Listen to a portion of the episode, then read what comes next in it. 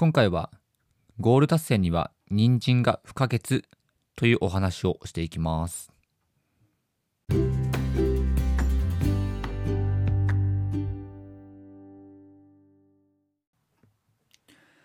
皆さんこんばんは。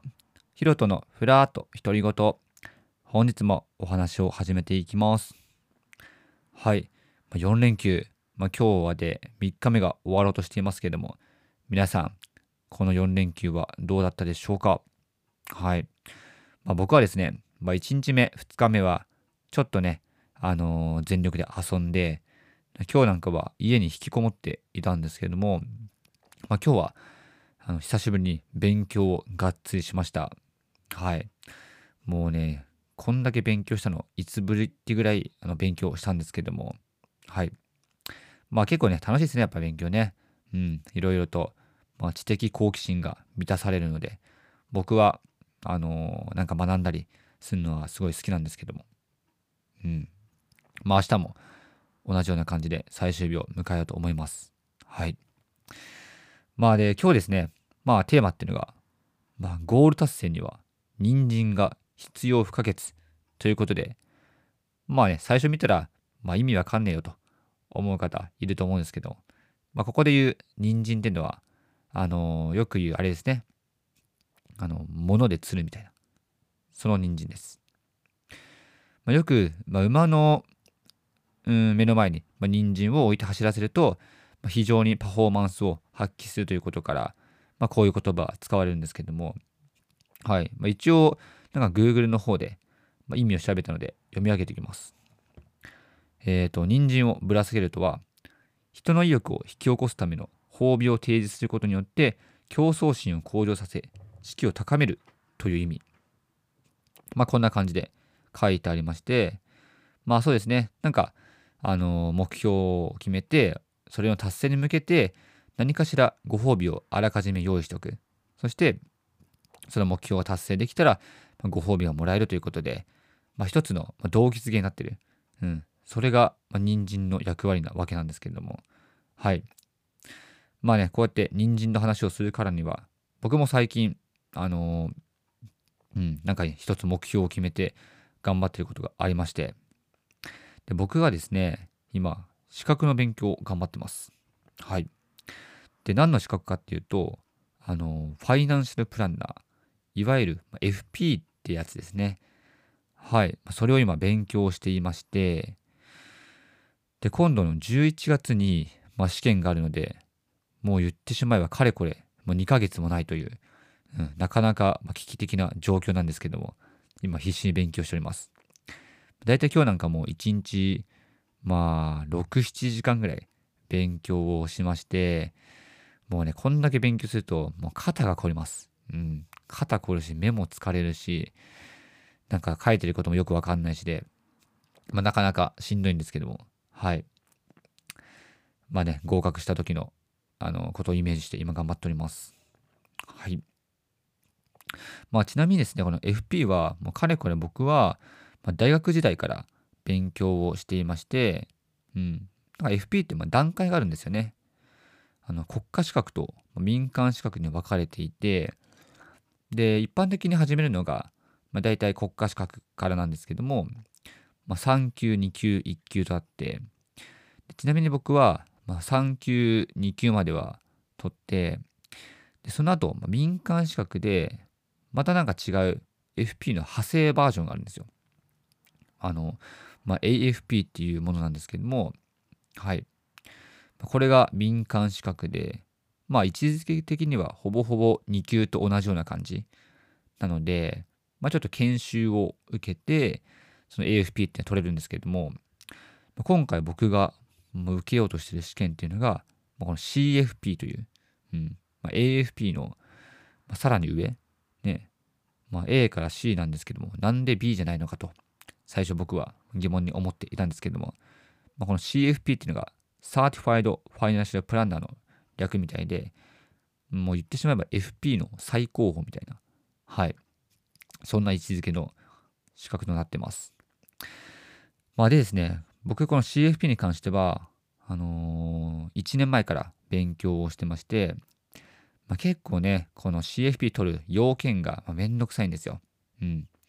まず、まあ、試験が6科目あって、もうそこが、最初の関門なんですけども、はい。今僕はちょうどその6科目を、まあ、試験合格するために頑張ってる。そんな段階です。もちろんその、あの6科目受かる以外にもいろいろと要件はあるんですけども、はい。まあ、大体の人が、あのー、通らなければいけない道なので、はい。今頑張っております。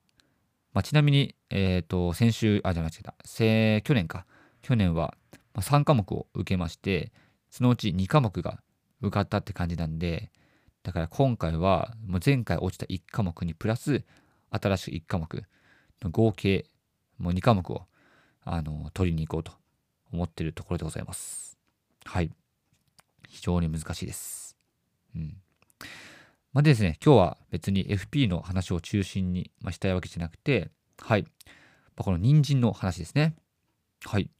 まあ、もちろんこういうからには僕も FP を受かったら、ね、自分の掲げている人参があるわけなんですけども、まあ、その人参というのが、あの、僕、MacBook が非常に欲しくてですね、はい。あの、Apple の、ね、薄型のパソコンあるじゃないですか。よく IT 系のエンジニアの方とか、あとは、ま、ビジネスでめちゃめちゃ優秀な方が、ま、使ってるあのパソコンです。もうあれ持ってるとね、なんかもう、スタバとかで開いてるところ見ると、あ、この人、ま、仕事できるなって、もうそれだけで思ってしまう。もう自分をブランディング化する、まあ、アイテムの一つであるので、もうぜひともそれは一つ、まあ、手に入れておきたいと。はい。そんな不純動機で、ま、欲しいんですけども、まあ、大体この MacBook が10万円から20万円ぐらい、まあするんですよね。まあ、なので、なかなか普通に買うんだったら、ね、ちょっとお高いものであるので、まあ、今回は僕は FP の資格を無事2科目受かって、うん、そのご褒美で買いたいと思っております。はい。まあ、そんな感じで、その、ね、ある程度自分の中で、ま、ご褒美を、ま、つけておくと、ま、非常に頑張れるなということで、はい。まあね、この今回、この人参の本質的な役割っていうのを、ね、2つ僕はあるんじゃないかと思ったので、それをご紹介していきます。はい。まあ、人参の本質的な役割ということで、まず1個目は、まあ、行動する、まあ、きっかけを作ってくれる。うん。やっぱ人間って、まあ、非常にね、自分に弱い生き物なので、まあ、何かしら目的がないと、多分ね、多くの人は頑張れないと思うんですよ。うん。なかなか、まあ、自主的に動いて何か目標を達成する、もう相当な意志が必要だと思うし、まあ、その意思を継続させるのも、これが一番しんどいですよね。うん、だから、何かしら、そのゴールを達成したら、うん、自分が、欲しいものを買うとか、もしくは欲しいものを買ってもらうとか、そういうね、あのー、ご褒美的なものがあることによって、まあ、人間頑張れるということで、やっぱりね、物に頼るってことが、この行動をする、まあ、動機づけとしては、ね、すごい大きな役割としてあると思います。はい。で、2つ目はですね、まあ、ゴールを形にするっていうことなんですけども、まあ、これをどういうことかっていうと、やっぱりあの物事って形があるから終わりがあるっていうように、あの終わりがあるからこそ頑張れると思うんですよ。はい。じゃあ仮に、あのー、ね、試験を受かったとしても、じゃあその先にもう永遠に、うん、じゃあもう CFP の上にもう DFP、ね、EFP とか、ね、あの、その、まあね、このアルファベットは僕が適当につけたんですけども、ね、あったりすると、もう永遠に続くわけじゃないですか。まあおそらくね、この調子でいくと、まあ、Z で終わるとは思うんですけれども、でも、その先が長すぎると、ね、人って頑張れないんですよね。正直。はい。もう先が見えなすぎて。うん。まあ、だからこそ、何かしら、あのー、物を、物をもらうとか、あの、物を受け取ることで、一つのピリオドとすること。うん。まあ、ピリオドっていうのは、よくアルファベットである、ね、ちっちゃい丸あるじゃないですか。はい。文章の最後につけたあの丸です。はい。あれを打つことが、イコール、あの、人参を受け取ること？うん。だと、あの、かなっていうのを僕は思ったので、はい。まあ、このね、あのー、行動する動機を作ることあとは、えーと、ゴールを最終的に形にすること、ね、この2つが、まあ、人参の大きな役割なんじゃないかと思いました。はい。まあ、例えばですね、まあ、陸上選手なんか一つあの分かりやすいと思うんですけども、あの陸上選手とかって、まあ、本質的には、うん、他の選手よりもあの1分1秒でも早くゴールに着くこと、そして、まあ、自分の自己ベストを更新すること、まあ、そこが目的だと思うんですけども、じゃあいざ、まあ、世界陸上とか、あとはオリンピックとかあった時ってどうなってるかっていうと、そのね、1位、2位、3位に入った選手はみんなメダルをもらってるんですよ。メダル。はい。本来であれば、うん、単純に、ね、自分の自己ベストを更新できたり、まあ、他の人よりも、まあ、1着でも早くゴールにつければ、おそらく選手の方々っていうのは、それで満足、うん、する方も結構多いとは思うんですけども、でも、何かしら、ね、メダルという一つのあの称号を受け取ることによって、その、あの競技を終えるということで、やっぱりここから見ても、メダルを受け取ることイコール、うん、まあその人の達成感を味合わせる、まあ一つの指標となっていると思っていて、はい。まあ、これもね、一つのメダルな、あの、一つの、まあ、人参なのかなと思いました。はい。まあ、あとはですね、まあ、大学受験。うん。これ結構ね、身近に感じると思うんですけども、大学受験、まあ、僕も経験しましたね。もう1年以上勉強勉強で、なかなか辛かった思い出があるんですけども、やっぱり大学受験を、する理由っていうのは、まあ、一つは、うーん、まあね、その先の、就職を見据えてとかあると思うんですけども、やっぱり大学に入って、まあ、その先の、まあ、サークルやら、バイトやら、遊びやらっていうような、まあ、明るい未来というか、うん、楽しみがあるからこそ頑張れるというふうに、このね、サークルとか遊びとかっていうのも、やっぱり人参に当たると思うんですよ。うん。なので、こういうものが実際に実現できるからこそ、まあ、人は頑張れるのかなと思うので、はい。まあね、人参の本質的な、ま役割になってくるんじゃないかなと思いました。はい。まあ、そうですね。実際、まあ、ゴールテープがない、まあ、マラソンは誰も走らないし、かつ、まあ、メダルがない、ま、競技でしたら、まあ、1位を目指す人も、まあ、少なくなってしまうので、やっぱり達成した先のご褒美が何においても、まあ、重要なのかなと僕は思います。うん。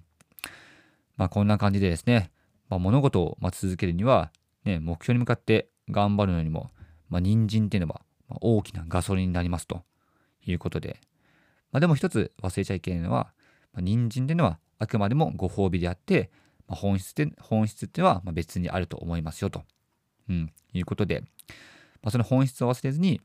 あの適切な、まあ、人参をぶら下げることによってまあねその行動の動機づけとかあとはね継続する、まあ、力になると思うので、うん、